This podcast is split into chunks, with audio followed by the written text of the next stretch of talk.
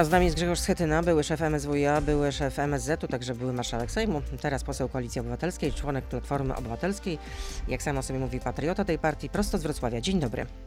Dzień dobry pani redaktor, dzień dobry państwu, kłaniam się. W domowych Pieleszach? Tak, tak, dzisiaj jeszcze w domu e, we Wrocławiu. Yy, właśnie. Yy, dlatego, dlaczego powiedziałam, że jest pan we Wrocławiu yy, w, w domowych Pieleszach? A zwłaszcza we Wrocławiu, bo wczoraj w całym kraju zawyły syreny o 8.41, e, które miały upamiętnić tą 12. rocznicę, e, wybuch, e, rocznicę katastrofy smoleńskiej. No we Wrocławiu one jednak nie zawyły, te syreny. No, odmowa Wrocławia była uzasadniona w ten sposób władz tego miasta, że wojewoda dolnośląski za, za późno wysłał pismo w tej sprawie, w związku z tym było za mało czasu, żeby poinformować o tym wszystkich mieszkańców Wrocławia. No można powiedzieć, że to jednak pretekst. Czy dobrze się stało? Źle się stało, że ten temat e, w ogóle był e, przedmiotem debaty publicznej. E, ustalenia, czy czcić pamięć ofiar katastrofy w taki, a nie inny sposób. I zrobione to zostało tak naprawdę przez ministra spraw wewnętrznych kilkanaście godzin przed przed 8.41 10 kwietnia. Ja bym e, od, oczekiwał w takich sytuacjach, tak delikatnych bardzo i, i wrażliwych, e, takich elementarnych konsultacji.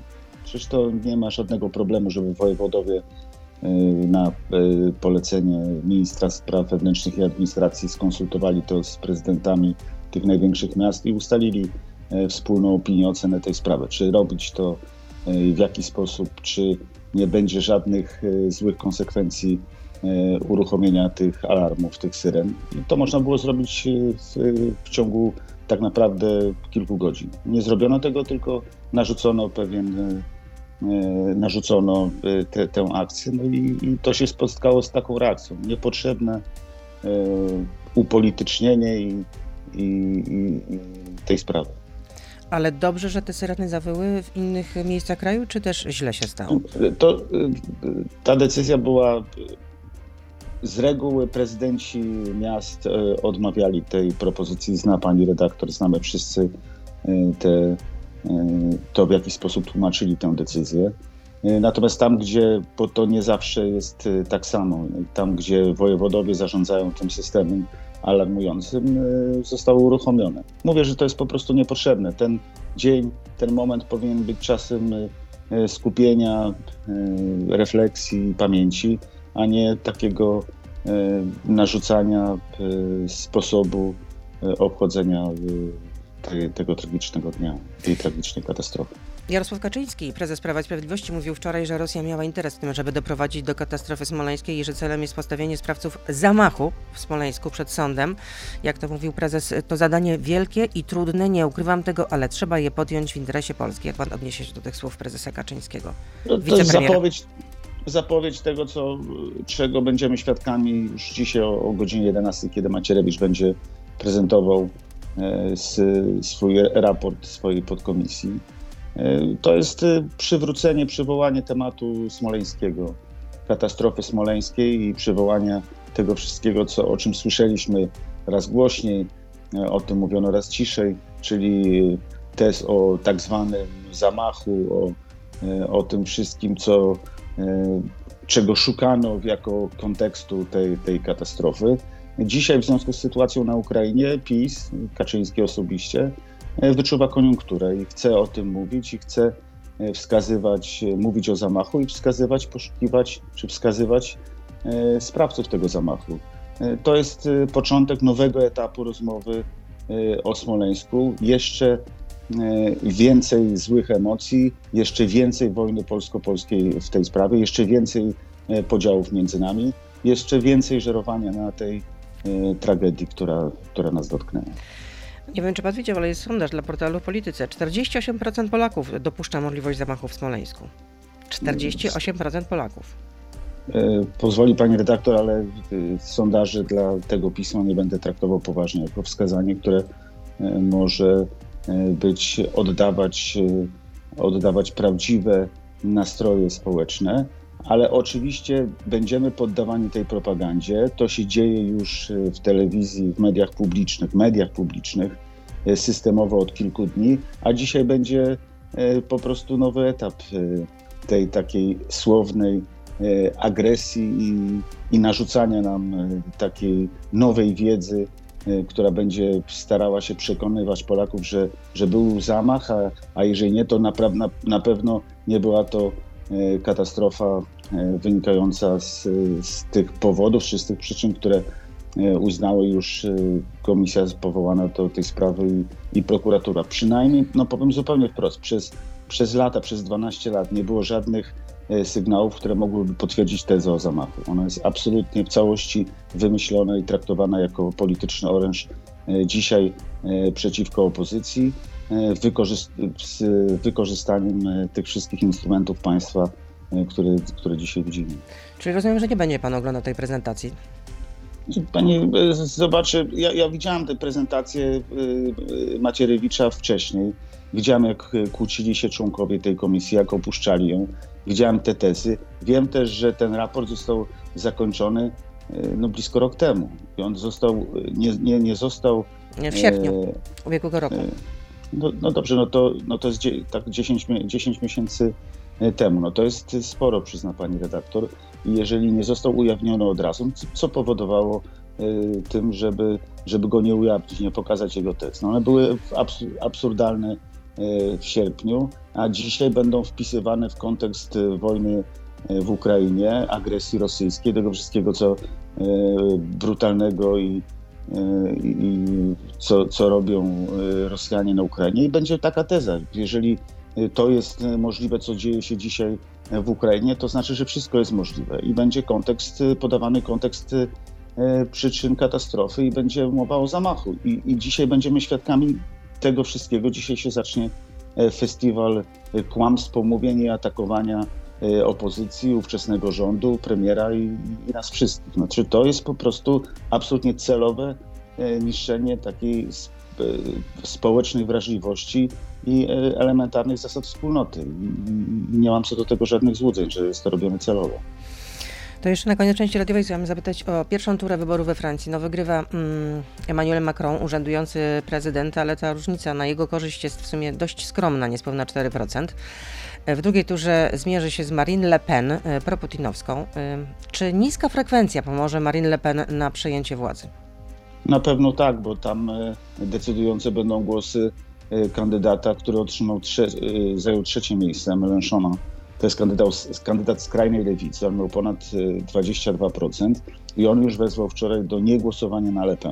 Ale jeżeli nie wezwie na, do głosowania na Macrona swoich wyborców, swoich zwolenników, jeżeli jego wyborcy zostaną w domu, na razie między 28 a 31, tak jak czytałem dzisiaj E, jego wyborców wskazuje, że, że pójdzie na wybory i poprze Macrona w drugiej turze.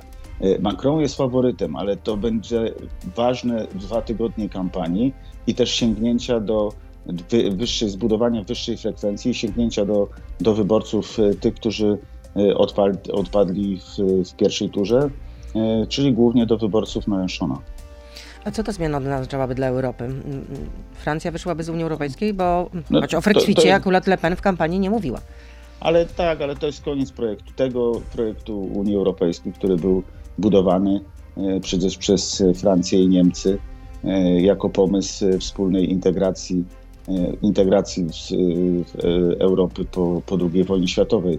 To jest koniec, bo to jest kandydat, ja bym powiedział, znaczy to jest dużo gorsze niż wybór Trumpa, porównywalne do Brexitu. E, taki wybór, wybór Marine Le Pen, e, kończy ten projekt Unii Europejskiej, kończy ten projekt Europy, który znamy.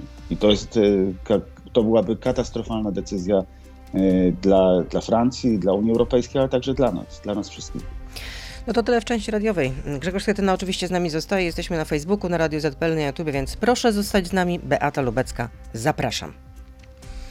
A czy słowa premiera Morawieckiego, które były kierowane bezpośrednio, e, bezpośrednio i publicznie pod adresem Emmanuela Macron, mogły mieć e, wynik na w tę pierwszą turę wyborów? Oczywiście. No chodzi o to, że, że, że, premier Morawiecki stawiał py pytania publicznie, e, ile razy można rozmawiać z Putinem i, i co pre prezydent Francji osiągnął w związku z tym. Ja powiem szczerze, że kompletnie nie rozumiałem tego wystąpienia i tych słów premiera Morawieckiego. Nie wiem dlaczego o tym mówił, czy to było jakieś oczekiwanie prezesa Kaczyńskiego, czy to był jakiś zbudowanie nowego etapu wojny z Paryżem, z Berlinem, z Unią Europejską. Trudno mi powiedzieć, bo, bo to, jest, to było po prostu bezrozumne i bezmyślne. Tydzień przed wyborami, kiedy tak podobnie jak przyjmowanie Marine Le Pen tutaj z, jak głowy państwa z całą etykietą w, Warszawie kilka miesięcy temu. Nie można w, w, taki sposób, nie można atakować Macrona. On atakował także innych, między innymi kanclerza Scholza, ale Macrona zaatakował za kontakty z Putinem, jakby nie rozumiejąc, czy nie biorąc pod uwagę to, że Macron przez te miesiące, ostatnie miesiące, był szefem prezydencji. Francja sprawowała prezydencję w Unii Europejskiej. E, i reprezentował całą Unię Europejską także w kontaktach zewnętrznych, więc trudno było sobie wyobrazić taką sytuację, że on nie będzie miał kontaktów z, z Putinem czy z Zeleńskim, kiedy ten e, konflikt, kiedy wojna się zaczęła. No tak, Więc ale ja można to... rozmawiać z dyktatorem? No, to, to, to, jak dialog głuchych, mówię o tych rozmowach Macrona z Putinem. Były prezydent Aleksander Kwaśniewski dodaje jeszcze, to... że jeden z tych rozmówców jest absolutnie cyniczny. No wiadomo o kim to, mowa. to wszystko jest prawda. Ja uważam też, że to, było, to był problem dla, Macron, dla Macrona, który który postawił, na, że, że, że założył, że ten temat y, wojny, y, agresji rosyjskiej na Ukrainę będzie tematem kampanii wyborczej we Francji. Tak się nie stało. To był czwarty, czasami trzeci temat w kolejności, jeśli chodzi o zainteresowanie Francuzów tej kampanii. I on tak naprawdę skrócił, bardzo ograniczył swoją kampanię. Miał jeden duży e, wiec, to też wpłynęło na, na wynik wyborów. Więc tak naprawdę ta prawdziwa kampania francuska zaczyna się dzisiaj.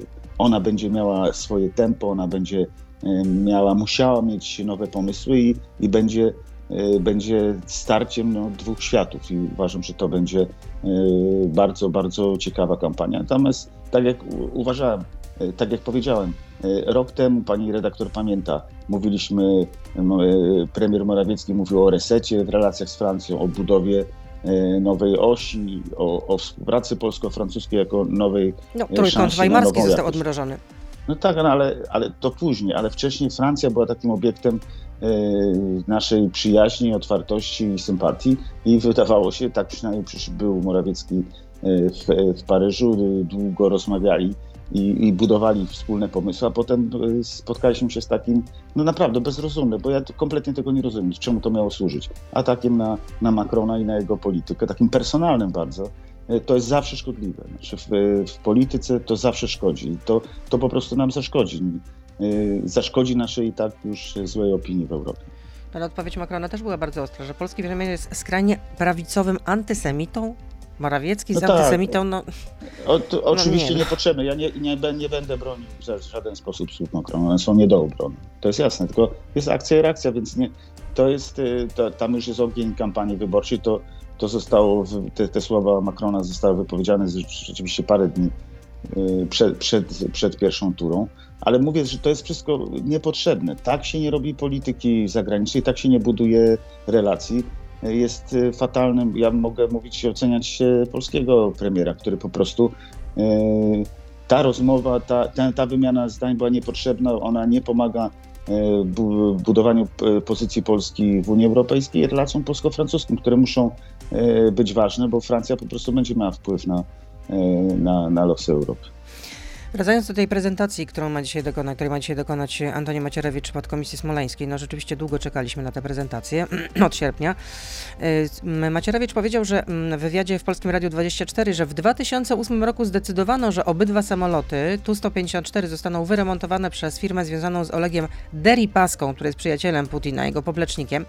No i od tego momentu, jak mówi Antoni Macierewicz, rosyjskie służby kontrolowały każde działanie związane z wizytą prezydenta Lecha Kaczyńskiego w Smoleńsku. Więc ja pytam, czy można było remontować remontować Tu-154 gdzie indziej, poza Rosją?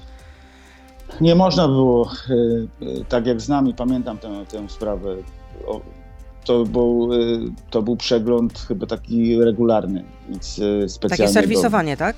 Tak, wynikające. I naprawdę no, nie było niemożliwe, nie można było nie, tego nie, przeprowadzić gdziekolwiek indziej? Bo, bo to jest, Dlatego, że to rosyjski samolot, tak? Bo to jest produkcja? samolot produkcji rosyjskiej, więc trudno sobie wyobrazić, żeby ktoś inny mógł serwisować czy do, dokonać takiego przyglądu technicznego tych samolotów, bo one wtedy funkcjonowały, dwa były te, te samoloty tu.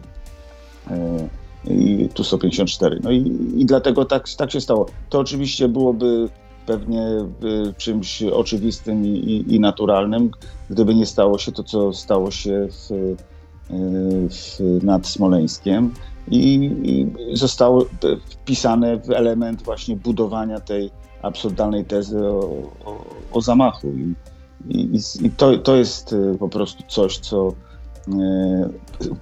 każe nam w ogóle spoglądać na tę sprawę, czy, czy zastanawiać się, czy to jest coś normalnego i naturalnego. To wtedy było coś e, absolutnie e, takiego typowego i zwyczajowego. Nie, nie, nie, nie widzę tutaj e, żadnego drugiego dna no to była sytuacja ekstremalna, trudna również dla polskiego rządu, ale czy polski rząd stanął wtedy na wysokości y, y, zadania w tej, w tej ekstremalnie trudnej sytuacji, ponieważ no, politycy Prawa i Sprawiedliwości od samego y, początku zarzucają tamtejszej ekipie, ówczesnej ekipie, że śledztwo w sprawie katastrofy smoleńskiej zostało praktycznie oddane w ręce Rosjan.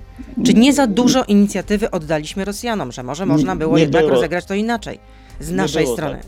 Ja pamiętam, byłem wtedy szefem klubu parlamentarnego, nie byłem w rządzie, ale widziałem to z bliska i i to nie było tak, że od początku politycy PiS y, dystansowali się, y, czy, y, czy też atakowali, czy mieli inne zdanie niż, niż rząd, czy niż osoby, które prowadziły te, te sprawy. Pamiętam podziękowania, pamiętam wypowiedzi wtedy posła Sasina, czy ministra Dudy, który, którzy dziękowali za zaangażowanie, za akcję, za obecność premiera w, w Smoleńsku, za wyjazd e, minister wtedy, minister Kopacz do Moskwy e, i no tak, i, ministra i potem, Boniego. I potem to... minister Kopacz mówił o tym, że, że ziemia w Smoleńsku no, została przekopana do, mm, tylko, na metr w głąb, wszystko, no, ale okazało się, że to nieprawda. Ale proszę pamiętać, że, że nikt tego wcześniej nie miał żadnych doświadczeń w, w, w, przygotowaniu do, do rozwiązywania takich, takich problemów. No dobrze, ale to. Rosjanie podsunęli ja uważam, nam pomysł, rozumiem, że przy wyjaśnieniu tej tragedii, pani, to ale, wy, żeby wykorzystać konwencję chicagowską, tak? Ale pytam tak, ale pytam mi pani, ja uważam, że zrobione zostało wszystko. Widziałem to i, i jak dzisiaj bym miał ocenić to, co stało się 12 lat temu, to uważam, że i premier Tusk, i, i, i rząd E, Platformy Obywatelskiej i PSL-u zrobił wszystko, żeby tę sprawę wyjaśnić, e, żeby, żeby ją prowadzić z największą starannością. Mówię także o braku, e, o, o, o oczywistym braku doświadczenia w takich, w takich kwestiach. No ale, Dzisiaj ale... wszystko, to, wszystko to jest wykorzystywane przeciwko, bo jest, ma być użyte do wewnętrznej walki, wewnętrznej wojny i atakowaniu opozycji. I, i, i Donalda Tuska personalnie. Więc mówię absolutnie, e, absolutnie bardzo twardo tutaj w, w, tym momencie. Ale rozumiem, że to Rosjanie podsunęli pomysł polskiemu rządowi, żeby przy wyjaśnieniu tej tragedii w Smoleńsku wykorzystać konwencję chicagowską, a nie na przykład umowę z 1993 roku między Polską a Rosją. Pamiętam e, przewodniczącego komisji, e, komisji do spraw wypadków lotniczych Edmunda Klicha. Wiem, jaki miał, jaka odpowiedzialność była na, na jego na jego barkach złożona. Który Dzisiaj był polskim ta... przedstawicielem akredytowanym przy MAK-u Komisji w Rosji, która wyjaśniała ten e, przyczyny katastrofy. Tak, więc ch chciałbym, żebyśmy dzisiaj nie byli zakładnikami tego, co będzie nam podsuwał i suflował Macierewicz i politycy PiSu, budując inną rzeczywistość 2010 roku. Ja się nie zgodzę na to, żeby po prostu odpowiadać na, na te brednie, które e, Macierewicz y, będzie zamieści w swoim raporcie i będzie dzisiaj o godzinie 11 prezentował, bo to znaczy, że znowu polską politykę wracamy i wrzucamy do, do tego smoleńskiego kotła. Znaczy nie ma mojej zgody na to, żeby tak się, tak się działo, bo to jest po prostu absurd, to jest robione celowo, intencjonalne, intencjonalnie po to, żeby, żeby znowu e, w, z, zwielokrotnić w, w momencie e, rocznicy, żeby zwielokrotnić te efekty wojny polsko-polskiej, żebyśmy się znowu na siebie rzucili, żeby znowu przestać ze sobą rozmawiać, czy czy, czy tworzyć wspólnotę. Znaczy, to są złe intencje, nie można się po prostu im poddać. Wspomniał Pan o Edmundzie Klichu, no więc mm, zerknęłam do wywiadu, którego udzielił w tamtym roku dla Polskiej Agencji Prasowej i powiedział, że jeśli chodzi o samo badanie katastrofy, to myślę, że można było osiągnąć więcej. W rządzie niewiele robiono. Sam za własne pieniądze zamówiłem wówczas ekspertyzę prawną, za którą na początku nie chciano mi nawet zwrócić pieniędzy. Nie wiem, nie, no, nie znam Tak mówi Edmund Klich. No. Ja, ja wiem, ale e, proszę, to no proszę pytać, publicznie, proszę no. go dopytać, trzeba... Nie byłem wtedy w rządzie i nie znam tej, tej, tej kwestii. Wiem w jaki sposób był, e, jak ważny był wtedy jego funkcjonowanie, jego obecność, jego doświadczenie w ogóle w, ty, w tych kwestiach. Nie znam te, te, tego kontekstu, więc trudno mi się do niego odnieść, ale chcę bardzo wyraźnie powiedzieć, że budowanie takiego nastroju, że że był jakiś zły kontekst, że była jakaś zła wola ze strony rządzących, ze strony koalicji rządowej e, w tej sprawie, że próbowano, jak słyszę te, to, o czym pani mówi, te informacje z mediów e, publicznych, wczoraj słyszałem te, te tezy, te, te eksplozja, te po prostu całe, całej serii kłamstw i, i takich absurdalnych wymysłów, żeby zbudować e, obraz, którego absolutnie nie było, ale to tego to będziemy, z tym się będziemy spotykać co, co chwilę. Za każdym razem będziemy słyszeć jeszcze bardziej piramidalne e, kłamstwo i, i absurdalną bzdurę, i z tego będzie budowana cała teza, żeby się odnosić do, do konkretnych poszczególnych rzeczy, nawet najbardziej absurdalnych. Więc ja powiedziałem, to jest znaczy najgorsze, co może dzisiaj spotkać Polskę, to jest powrót po 12 latach e, do analiz e, przyczyn e, katastrofy w Smoleńsku i wpisywanie tego w rzeczywistość, która, ma dzisiaj, która jest dzisiaj w Ukrainie, czyli wolnej agresji rosyjskiej. Tego chce Kaczyński, tego zawsze chciał Macierewicz, tego chce dzisiaj PiS i uważam, że nie można się w, to, w ten scenariusz pisać. Po prostu nie ma na to mojej zgody, żebyśmy dzisiaj rozmawiali o, o historii sprzed 12 lat w kontekście dzisiejszej, dzisiejszej tragedii, dzisiejszej wojny w Ukrainie no to jeszcze odwołam się do tego wywiadu z Edmundem Klichem, który powiedział, że gdyby wtedy był jakiś międzynarodowy odzew, upubliczniono to, że Rosjanie zgodzili się na procedowanie sprawy według załącznika 13 konwencji chicagowskiej, dodajmy, a następnie łamali te zasady, to myślę, że można by sięgnąć więcej, nikt tego nie podnosił, a strona polska powinna była to nagłaśniać, że Rosjanie e, no, po prostu nie dotrzymują, e, nie stosują się do ustalonych umów. Tylko to akurat tutaj e, właśnie pułkownik Klich miał najwięcej do powiedzenia i on był, tak jak ja pamiętam, jako osoba, która była z boku, ale tak jak powiedziałem, byłem szefem klubu parlamentarnego, on e, miał inicjatywę i propozycji e, rozwiązań różnych kwestii dotyczących sposobu prowadzenia tego postępowania. Ja tak pamiętam tę sytuację, natomiast nie pamiętam, żeby jakaś inicjatywa była blokowana, odsuwana, czy odmawiano jej możliwości wprowadzenia. Czy wszyscy zrobili wtedy wszystko i przez e, kilka tygodni mieliśmy takie przekonanie. Potem była decyzja Kaczyńskiego, żeby z tego robić oręż polityczny i żeby to był wehikuł, który podniesie PiS i pozwoli mu wygrać wybory. Przypomnę, były wybory najpierw prezydenckie, gdzie był bliski zwycięstwa nad e, Bronisławem Komorowskim, to się nie udało i później ten motyw smoleński wracał w każdych wyborach i będzie tak samo e, teraz i temu służy dzisiejsza prezentacja raportu i tych, przedstawiania tych agresywnych kłamstw i bzdur. I to, to jest po prostu czysta polityka, cyniczna polityka Kaczyńskiego, wykorzystująca y, tę sytuację. No to jest jeszcze pytanie od słuchacza. Mieczysław pyta, dlaczego ówczesny polski rząd wysłał Edmunda Klicha jako przedstawiciela polskiego rządu przy komisji Tatiany Anodiny do Moskwy bez pieniędzy, bez samochodu, bez tłumacza? Powrót musiał opłacić sobie sam nie znam tej historii i nie, nie, nie, znaczy powiem szczerze, nie wierzę, żeby tak się stało. Czasami przecież jest tak, nie chcę tłumaczyć tego, bo tak jak powiedziałem, jest y, jakaś teza, którą y, no po prostu trzeba budować. Ja, ja nie, nie, znam żadnego przypadku takiego, w którym mogło być to możliwe. Znaczy, nie wiem w jaki sposób były, ale jak, w jakim sposób były rozstrzygane, roz, y, rozliczane zaliczki czy delegację w KPRM, bo to KPRM prowadził e, te kwestie. A nie sądzę, żeby to było możliwe. Nie sądzę, żeby dzisiaj, e, dzisiaj potwierdził te słowa Edmund Klik, aż mi się nie chce w to wierzyć. A wracając już do tu i teraz, czy Donald Tusk rozmawia dalej z jakimiś politykami w Komisji Europejskiej, właściwie to są bardziej urzędnicy, ale też politycy, na temat odmrożenia środków na Krajowy Plan Odbudowy, no bo mówił, że będzie o to walczył w Brukseli, że będzie na ten temat no. rozmawiał. No to jeśli tak, no na jakim etapie są te rozmowy? Na pewno tak, no tylko przecież był w Brukseli z tego co wiem w zeszłym tygodniu, tylko on nie jest sprawczy w tym momencie, bo... No tak, no bo z jakiej e, pozycji miałby rozmawiać? Szefa Europejskiej Partii Ludowej, byłego szefa Rady Europejskiej, czy, no, czy byłego premiera? Bo nie wiem generalnie. Na pewno szefa partii, Europejskiej Partii Ludowej, na pewno osoby, e, która ma, zna wszystkich i ma e, historię szefa Rady Europejskiej. Natomiast dzisiaj i, i przecież cała konstrukcja wizyty E, Ursuli von der Leyen e, tutaj 9 miała służyć temu, żeby krajowy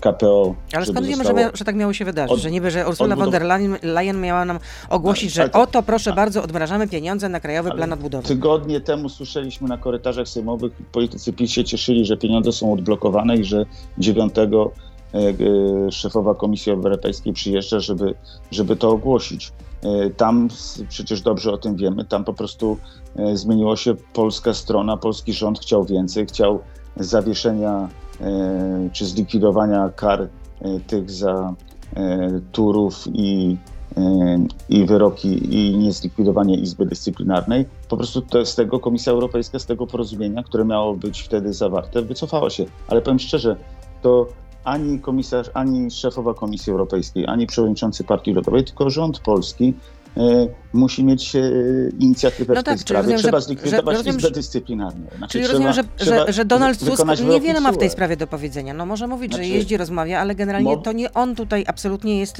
jakimkolwiek jeżeli, decydentem. Jeżeli efektem jego wizyty e, i spotkań i rozmów jest wizyta i otwarcie ze strony Komisji Europejskiej. Wszystko jest na stole, wszystko zależy od nas. Przecież obiecane są ustawy które nie może, nie, bo PiS nie może znaleźć większości u siebie, nie może przekonać Solidarnej Polski do likwidacji Izby Dyscyplinarnej i przywrócenia zawieszonych, odsuniętych sędziów.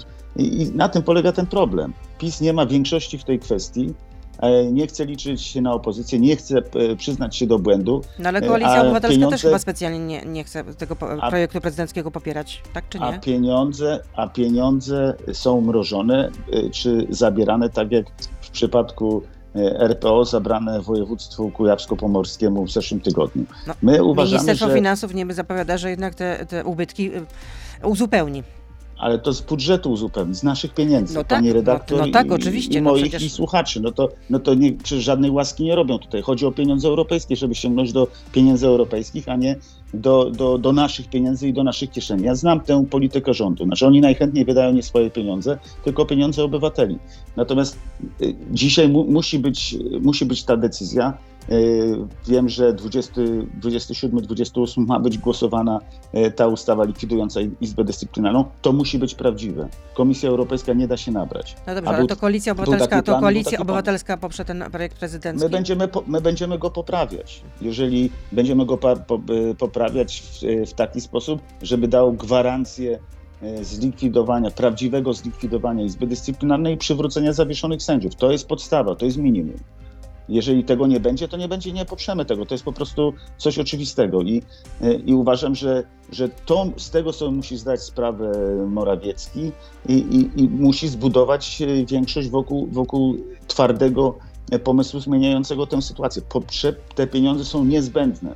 Są nam, są Polakom, są, są polskim przedsiębiorcom, są po, samorządom, są nam wszystkim po prostu niezbędne, żeby po covid w tej trudnej sytuacji E, nabrać oddechu i, i ożywić gospodarkę. No tak, tym bardziej, że będzie jednak wyrwa w budżecie związana z tym, że obniżona jest stawka z 17% do 12%, to 15 no tak, miliardów. To przede wszystkim uderzy w samorządy. No i plus jeszcze mamy oczywiście, no i jeszcze mamy szalejącą inflację. Sebastian pyta, czy żałuje pan odejścia Szymona Ziłkowskiego? Wczoraj to oświadczył, no teraz już były poseł Platformy Obywatelskiej, Koalicji Obywatelskiej. Znaczy, no nie myślę, że w tym, w tym, w tym e, chyba Szymon Ziółkowski chyba już nie jest posłem, no ale był członkiem Platformy, był członkiem Platformy Obywatelskiej, do wczoraj, jak rozumiem. Był posłem e, poprzedniej kadencji, tak, tak znałem tak. go, i, ale nie, nie znam tej sytuacji, nie wiem jakie są Ale jest pan zaskoczony? E, tak, tak, to bo wiem, że był taki zaangażowany bardzo w kwestii i kwestie poznańskie, i wielkopolskie, i, i Platformy Obywatelskiej. Jestem zaskoczony i nie, nie znam przyczyn.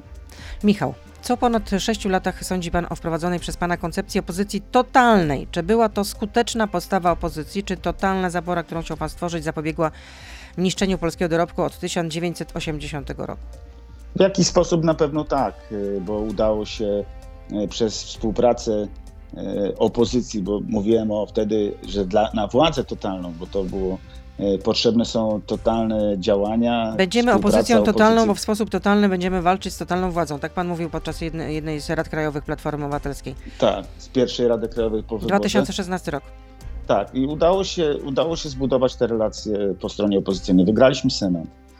To jest dzisiaj coś oczywistego, że Senat funkcjonuje normalnie, że jest gwarantem przyzwoitej legislacji, że nie powoduje, że ten ekspres przyjmowania złych ustaw funkcjonuje tak jak w poprzedniej kadencji. Uważam, że to też było efektem tego, że starałem się za cementować te relacje opozycyjne, żeby je zbudować w taki sposób, który e, skutecznie będzie zatrzymywać złe decyzje i złą władzę PiS.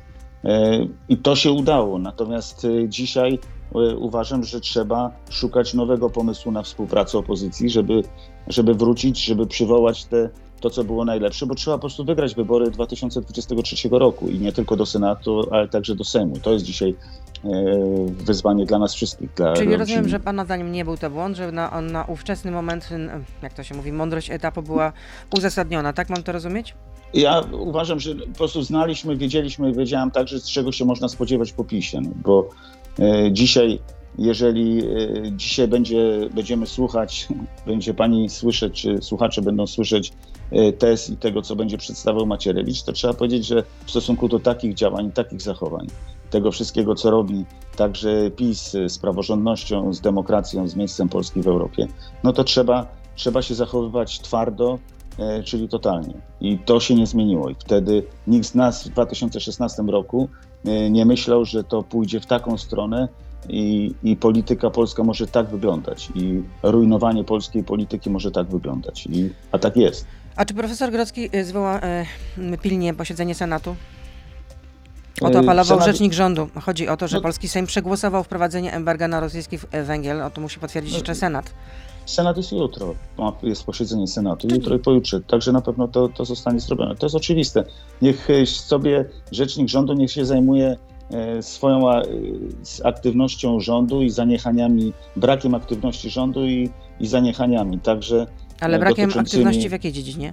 no, sankcji chociażby y, rosyjskiego węgla i tego wszystkiego, o czym słyszymy, y, niezamrażania y, kapitałów oligarchów tutaj w Polsce, czy firm, które, które prowadzą rozmowy o, czy debata o zmianie konstytucji, no tak, ale to do, będzie trwała. To pan to rzecznik rządu, pan rzecznik rządu jednak wytknął Donaldowi Tuskowi, że w 2014 roku po e, ataku na Krym no, był e, przeciwny Donald Tusk krajowym sankcjom na import węgla, bo wtedy mówił, że to kompetencje Unii Europejskiej, absolutnie.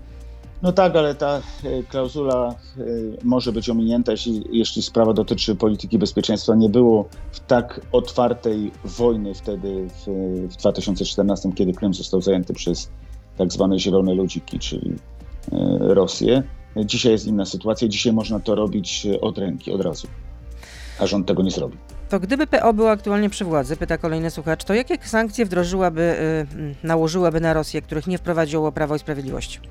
No na pewno to jest. Y, ja uważam, że y, pamiętam 2014 rok. Y, Nie, pytam teraz, 2022 ja wiem, rok. Ja, ja, wiem, ja słyszę panią redaktor, tylko chcę powiedzieć o 2014 roku i o tym, co. Bo byłem wtedy ministrem spraw zagranicznych i pamiętam te sankcje, które przeprowadzaliśmy w Brukseli, opiniowaliśmy je i wprowadzaliśmy po zajęciu Krymu i po, po tym, co się stało w, w Donbasie. E, i wiem, jak, e, jak trudne było to, jak trud, ciężko było to zrobić, ciężko było przeprowadzać te wszystkie etapy. Nie, to nie było takie jasne i oczywiste. Dzisiaj jest. I dzisiaj po prostu trzeba e, radykalnie zradykalizować sposób wprowadzania tych sankcji.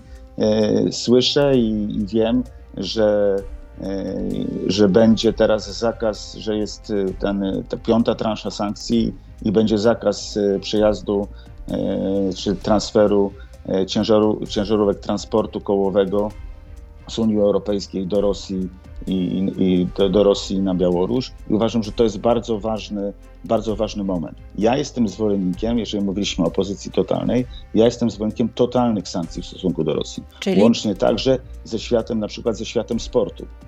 Uważam, że Rosjanie muszą się czuć dyskomfortowo, absolutnie jako wykluczeni ze wspólnoty międzynarodowej po tym, co dzieje się, po tym, Czyli co na świat zobaczy. na wszystkich co... poziomach, tak? Rozumiem, na poziomie tak, gospodarczym, uważam, kulturalnym, tak, że, sportowym. Że musi tak, że musi to dojść do, że muszą Rosjanie sobie z tego zdać sprawę. W najmniejszej wsi, czy czy w Petersburgu, w Moskwie i, i w innych miastach, muszą wiedzieć, że te sankcje są wynikiem wojny i poli agresywnej polityki i tego, co robi Putin. Muszą sobie z tego zdać sprawę i wiem, że to jest proces. I inaczej tego nie osiągniemy, ponieważ propaganda, e, która jest e, w Rosji, pozwala cały czas utrzymywać Putinowi ogromne poparcie. Dlatego w ten sposób to jest także język, język polityki, język dotarcia E, do, do Rosjan z takim prostym przekazem, tak nie można, e, taka polityka nie zostanie zaakceptowana przez wspólnotę międzynarodową. Rosja jest agresorem, Rosja prowadzi morderczą politykę, e, Rosa, ro, Rosjanie dzisiaj, wojska rosyjskie mordują ludzi na, na, na Ukrainie i na to, na to nie może być zgody wspólnoty międzynarodowej. Konrad pyta, mm, czy powiedział pan dziś żołnierzowi WOT służącemu na granicy polsko-ukraińskiej, wtórdując swoim partyjnym, partyjnym kolegom, że jest członkiem prywatnej armii Macierewicza albo teraz Błaszczaka? Powiedziałbym, jeżeli bym był pytany, że dla mnie wzorem funkcjonowania obrony terytorialnej jest to, co jest na, na Ukrainie. Te oddziały ochotnicze, e, bardzo dobrzy, taki dobry, racjonalny, systemowy sposób szkolone do, do obsługi E, e, tych wyrzutni. E, to wszystko jest bardzo dobrze prowadzone. Ja bym chciał, żeby jeżeli obrona terytorialna ma funkcjonować w Polsce, to niech wzorem dla niej będą te działania i sposób jej prowadzenia, szkolenia i wykorzystania, jakie, jakie pokazali Ukraińcy. To jest możliwe. Nie miałem takiego wrażenia, że robi to, że ludzie Macierewicza robią to w taki, w taki sposób skuteczny i, i, senso, i, i sensowny. I dlatego Dlatego uważam, że to po prostu trzeba wyciągać e, wnioski z tego, e, co, co się dzieje na Ukrainie i, e, i w racjonalny sposób tych ludzi, w, czy w dobry sposób po prostu przygotować. Ale podtrzymał pan taką opinię, że to jest, opini- że to jest prywatna armia Macierewicza? Tak było na początku. Dzisiaj Macierewicz prywatną no. armię ma, zajmuje się prywatna jego armia z zamachem w, w Smoleńsku. Ja bym powiedział tak, jeżeli wzorem, jeżeli będziemy w stanie przeprowadzić, wykorzystać e, doświadczenia ukraińskie do zbudowania oddziałów e, obrony terytorialnej, która może być użyteczna w taki sposób, jak jest na Ukrainie, to będę za. Bo to jest dla mnie przykład, który powinien być wzorem. Tomasz, kto lepiej rządził Platformą? Grzegorz Schetyna czy Donald Tusk? To były zupełnie inne czasy był taki czas, że rządziliśmy obaj, to znaczy Donald Tusk był y, przewodniczącym, a ja sekretarzem generalnym. No ale rządził Donald Tusk, trwało... zdecydowanie. No, tak, tak, no, ale to uważam, że to taki wariant jeszcze wcześniej przecież y, Maciej Płażyński był pierwszym przewodniczącym y, Platformy I co, wtedy to były złote czasy Platformy, tak? No, to był czas taki, w którym budowaliśmy partię i to wtedy wszystko się zaczynało. Nie, ja mówię a o tym, jak pan był sekretarzem generalnym, a Donald Tusk był premierem i przewodniczącym Platformy Obywatelskiej. To, to, to, był dobry czas, bo wygrywaliśmy wybory wtedy wszystkie, tak, i parlamentarne, i prezydenckie, i samorządowe. Tak, tak było. To, to już jest historia. A jak teraz wy wyglądają wasze relacje z Donaldem Tuskiem? One w ogóle są jakieś, czy w ogóle kompletna atrofia? Nie, no, dlaczego? No, no nie wiem, jesteśmy, pytam. funkcjonujemy. No, dzisiaj jest y, trudna sytuacja, bo, bo jest wojna, trudno się robi politykę krajową w takiej sytuacji wojennej, kiedy za granicą y, wschodnią giną ludzie i bombardowane są miasta, więc y, polityka partyjna jest zawsze utrudniona, ale tu nie ma alternatywy. Wszyscy musimy współpracować na rzecz dobra wspólnego, budowania silnej ale, te, ale nie odpowiada pan na pytanie, jak, jakie są wasze relacje? Czy one dobre. w ogóle istnieją? Dobre, tak? Istnieją, tak, dobre. Ale rozmawiacie ze sobą chociaż przez telefon, często? Rozmawiamy, rozmawiamy i mamy kontakt, tak. No ale to często, nie wiem, raz w tygodniu, dwa razy w tygodniu. Czy to tak jak wygląda, jak że Macron dzwoni do Putina i po prostu nie, nie ma... kilkanaście, kilkanaście razy, no może aż tak, y, tak to nie. Natomiast y, rozmawiamy i jestem przekonany, że, że y, tak samo chcemy zbudować e, silną platformę, silną koalicję opozycyjną, która wygra wybory nie tylko do Senatu, jak mi się to udało, ale także do Sejmu. To jest dzisiaj zadanie nas wszystkich. No to jeszcze jedno pytanie zadam tutaj. Mm, też od Donalda Tuska. Jak pyta jeden ze słuchaczy, jak to jest, e, że mm, Donald Tusk milczy teraz o tym, jaka była rola Niemiec w budowaniu e, pozycji Putina I chodzi głównie tutaj o Angelę Merkel. Pewien polski polityk zawdzięcza jej karierę i teraz ten polityk okłada wszystkich innych Putinem, a o swojej dobrodziejce Niemczech, y, Niemcach szlachetnie milczy. Dlaczego tak się dzieje? No, to, jest, to jest cała polityka e, europejska, to jest cała zasada business as usual. E, Wszyscy myśleli, bo pytanie, nie, nie, nie lubię pytań z tezą, bo można by było e, przy, przy, wziąć nie przykład niemiecki czy francuski, ale amerykański. Wziąć e, przykład e, Baracka Obamy, który mówił o resecie relacji z Rosją, że potrzebny jest nowy początek. Przecież to wszystko było. Był Nord Stream, wszystkim się wydawało, że można z Rosją robić normalne interesy, może niekoniecznie trzeba się zaprzyjaźniać, ale trzeba budować normal, normalne relacje. Że już jest postpolityka, że historia się skończyła, że już nigdy No, nie nie będzie wojny. skończyła się, jak widać. no, Nie ale, skończyła ale, się. ale, tak, ale tak było. Przecież to, No. to nie jest tylko sprawa e, niektórych osób, to było takie powszechne, e, powszechne oczekiwanie, przynajmniej tak bym powiedział. I, i, i taka polityka, więc ja to nie, nie, nie, jest, nie, nie należy do, do, no, do nikogo z poszczególnych czy indywidualnych przypadków. Taki po prostu był wtedy e, polityczny klimat. A dzisiaj jest sytuacja zupełnie inna. Czy wtedy ktoś zakładał, że, że, że może być inaczej, że może być wojna, że, że, Ros, że Rosja naj, będzie bombardować Ukrainę i, i będzie ją e, chciała jej od, odebrać suwerenność? Przecież nikt tego wtedy nie zakładał. I, I dlatego uważam, że musimy spojrzeć na to, co dzieje się dzisiaj, też y, pamiętając o, tej, o tych różnych historiach i tych wszystkich, co do tego doprowadziło. Przecież to nie tylko jest tak, że, że to Europa czy świat pomógł e, Rosji zbudować e, e, tę agresywną politykę.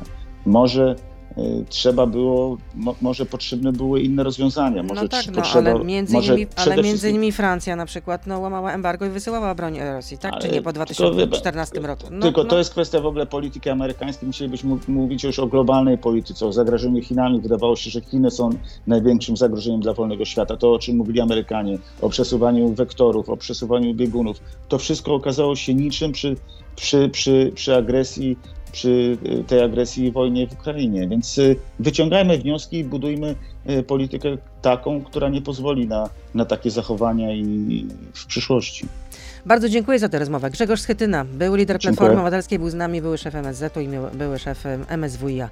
Dobrego dnia Dzie- życzę. Pozdrawiamy Dziękuję, Wrocław. Panie redaktor. Wszystkiego dobrego. Dziękuję. To był gość Radia Z. Słuchaj codziennie w Radio Z i na player radioz.pl.